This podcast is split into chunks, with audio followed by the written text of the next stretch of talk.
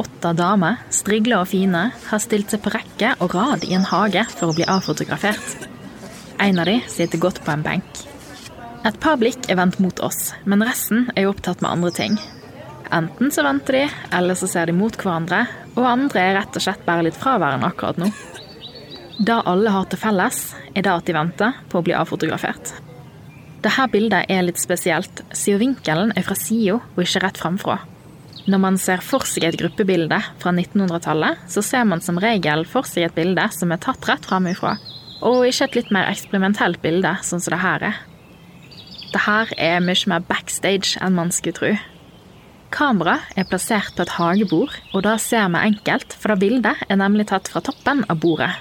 Det ser veldig ut som om fotografen tok bildet litt for tidlig da han satte kameraet ned for å dirigere fotoemnene sine. Det er tross alt lettere å vifte med armene når man ikke holder i et stort kamera. Det er nok derfor blikkene til disse damene spriker i alle retninger, og bare noen få av de ser ut til å være klare for å smile til kamera. Det var rett og slett ingen som var klar for at fotografen skulle trykke på utløseren der og da. Ikke fotografen sjøl engang. Men var det egentlig kameraet de smilte til, da? Eller var det fotografen bak linsa? Vi vet at det er Nils Juel fra Hurdal, som ligger i dagens Viken, som tok dette bildet i 1912. Men hvem var han egentlig? Hvorfor tok han bildet for 100 år siden? Og syns han egentlig det var noe gøy? Mitt navn er Karina, og jeg jobber med en av Norges sine største bildesamlinger. I det siste så har jeg gjort et dypdykk ned i Nils Juels verden. Eller i hvert fall den verden som han fotograferte. På dykketoktet mitt har jeg fått god hjelp av kurator Kirsten Linde og fotograf Ulf Palm, som begge to er utømmelige kilder til spennende informasjon.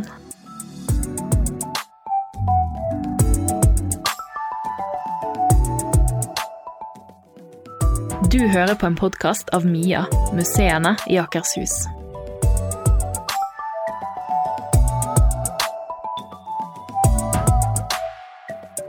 For å forstå mannen bak kamera, Nils Juel altså, så tror jeg at det er lurt å prøve å forstå hvordan det var å leve på bygda i år 1900. Vi veit jo at han ble født i 1884 på Stiklestad, men da var jo i Trøndelag. Faren hans, som eh, morsomt nok heter det samme som han, drev en gard der som måtte selges.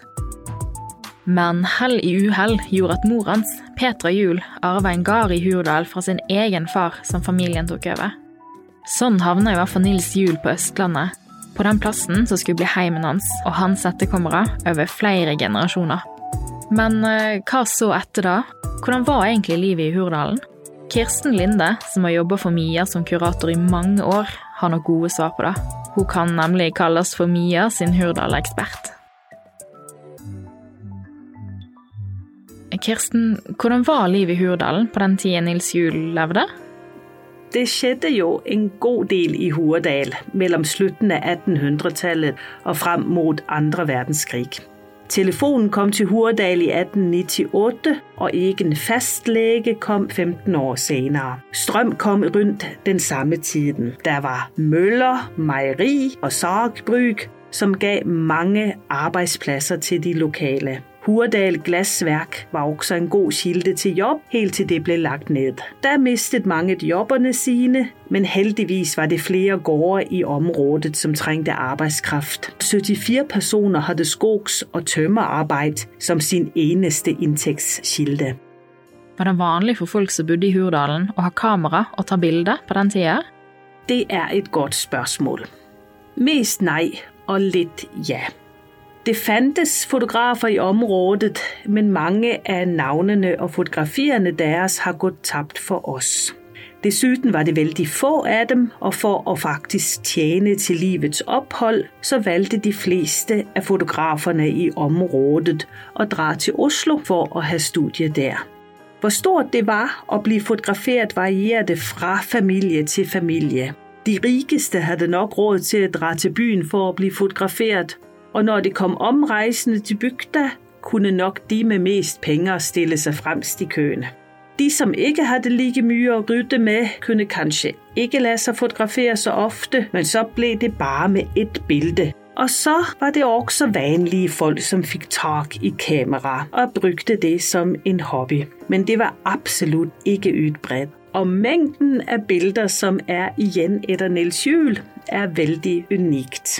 Det er ingen andre hobbyfotografer fra Hurdal som vi vet om, som var like flittig med kamera som Nils var.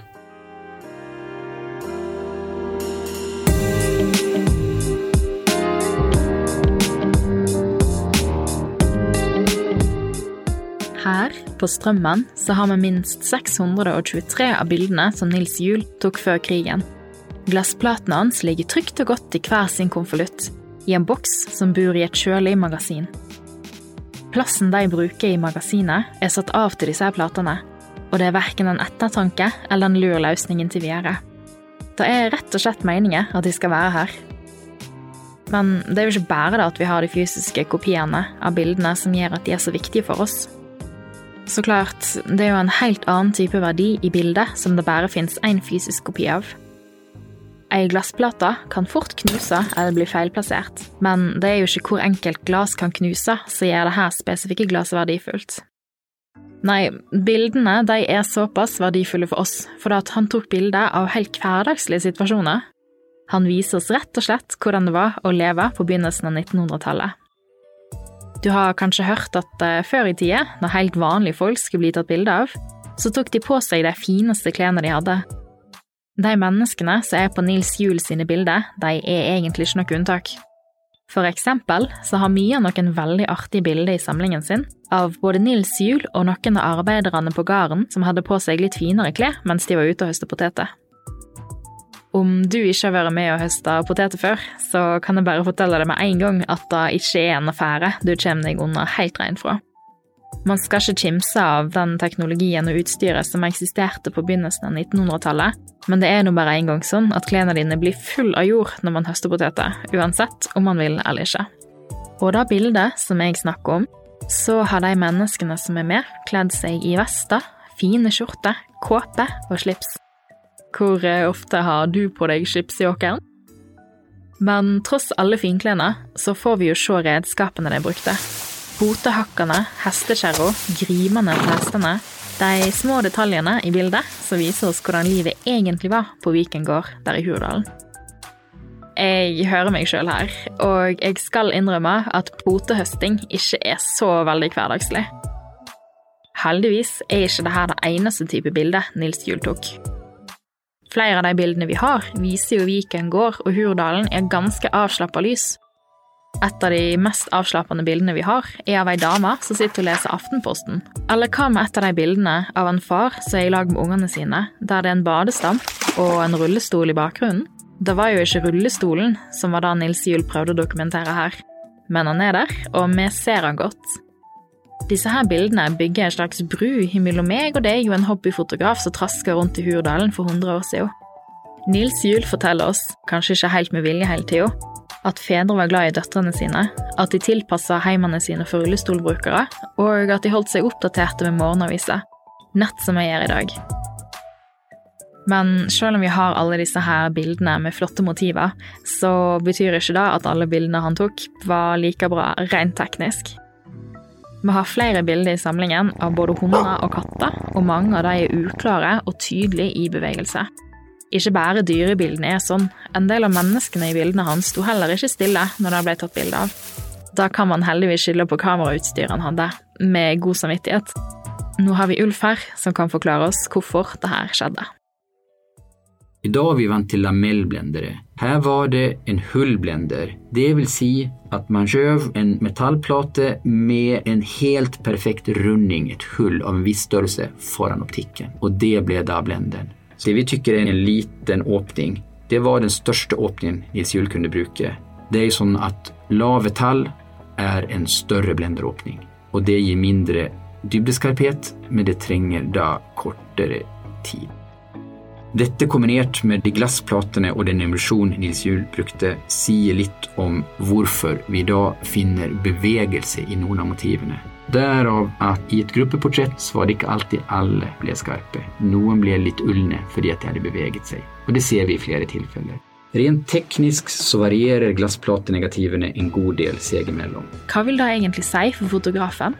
Det vil si at det varierer hvor tykke, hvor tynne og hvor harde negativene fremstår. Med moderne teknologi så går det fint å plukke ut veldig mye god informasjon i disse glassplatene. Det har vært en spennende jobb. Stemma du hørte, tilhører Ulf Palm. Han har jobba som fotograf i Mia i flere år, og han har stålkontroll på både kamera, fototeknikk, bildehistorie og masse mer. Om all kunnskapen hans ble lasta opp i ei digital sky, så tror jeg mesteparten av verdens fotokunnskap hadde vært på én plass, for å si det sånn. Mange av oss lagrer jo bildene våre i sånne digitale skyer som jeg snakker om. Mobiltjenestene vi bruker, tilbyr oss denne muligheten, og de er jo veldig praktiske, siden man vet at bildene havner på en trygg plass som noen andre forvalter og vedlikeholder for oss. Ja, så lenge man betaler mobilregningen når den kommer, selvfølgelig. Nils Juel kunne bare drømme om en så lettvint måte å lagre og oppbevare bildene sine på. Men han hadde jo tross alt ikke flere tusen bilder liggende på én plass. Dersom du tar opp mobilen din nå og sjekker, hvor mange bilder har du på kamerarullen din? Nå skal ikke jeg påstå verken det ene eller det andre om deg og dine bildevaner, men det er ganske sannsynlig at du har flere enn 623 bilder lagra på mobilen din akkurat nå. Det koster jo veldig lite for oss å ta et bilde på mobilen i hverdagen vår. Rent matematisk så koster det bare en brøkdel av strømregningen din, siden en mobil tross alt trenger strøm. Tech.no gir oss et enkelt og greit svar på hvor mye det koster å holde mobilen din fullada gjennom et helt år. Hele 4 kroner og 50 øre og det er jo alt en mobil trenger. 4 kroner, 50 øre og en strategisk plassert fingertupp på skjermen til riktig tid. Tenk om Nils Juel bare kunne få vite hvor enkelt det nå er å ta bilde. Man begynner jo å lure på hvilken type motiver han nå hadde tatt bilde av, og om han hadde syntes det var kjekkere å ta bilde nå for tida, så er jo det litt enklere enn før. Alle disse spørsmålene får jo meg til å lure litt på hvordan han egentlig var som person. Og jeg har faktisk noen som kan hjelpe meg å forstå akkurat det.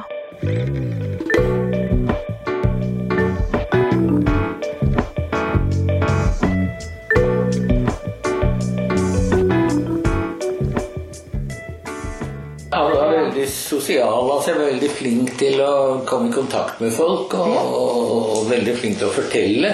Men han har eh, alltid eh, traff på folk i F.eks. Når, når jeg var ung, så, så var det jo lite trafikk til Oslo. Og så var han jo en og annen gang i Oslo og hadde familie og noe ærender. Han gikk opp og ned på Karl Johan. Eh, så bare på en tur opp og ned traff han folk han kjente.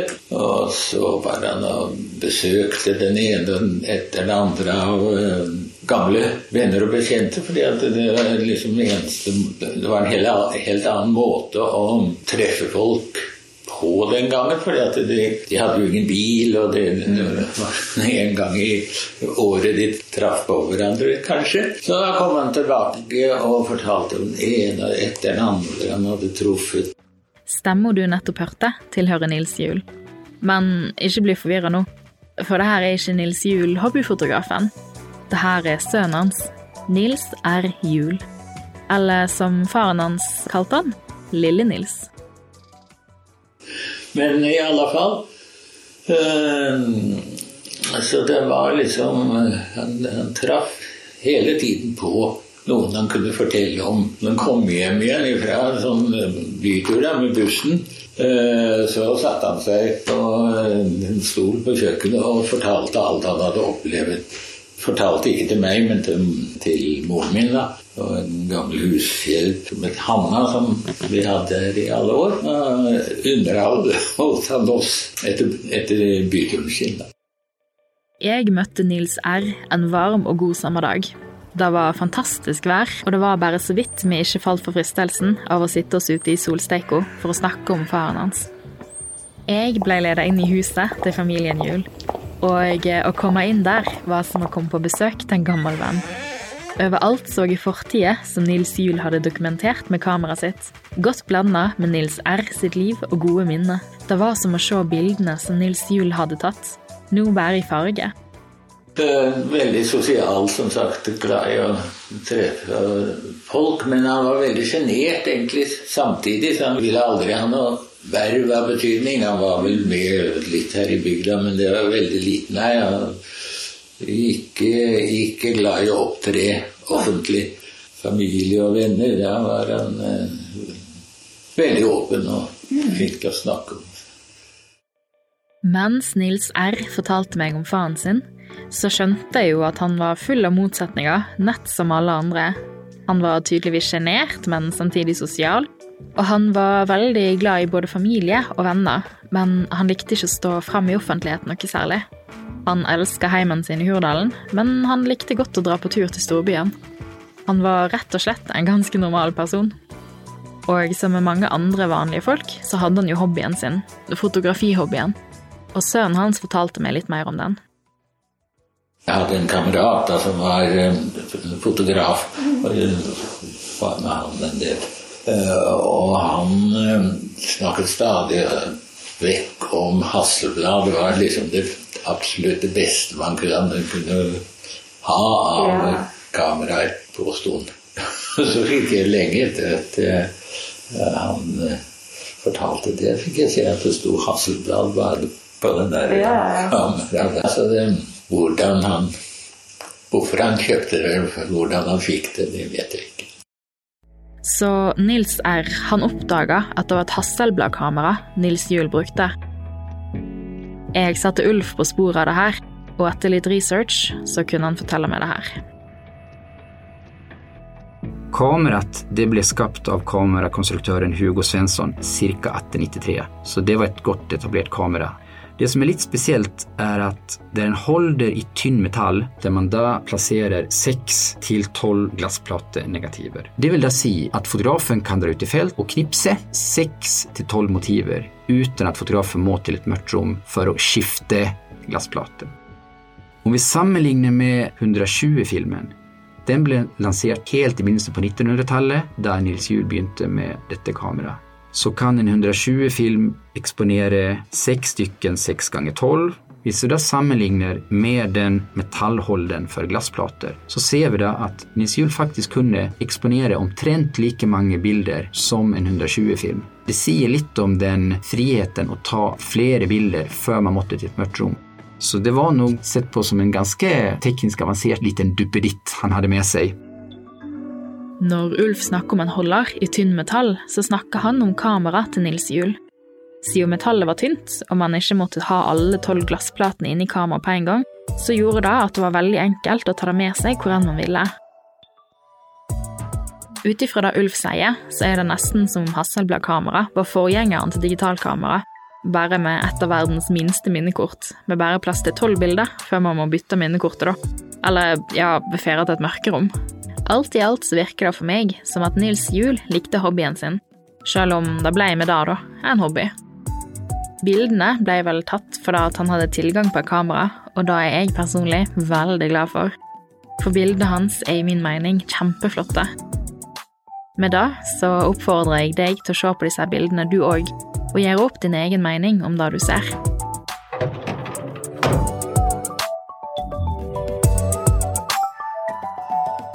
Du har hørt på en podkast av Mia, museene i Akershus.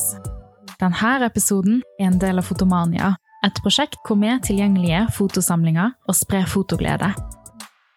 I samarbeid med Nasjonalbiblioteket digitaliserer Mia fotosamlingen, sånn at du kan nyte den i framtida.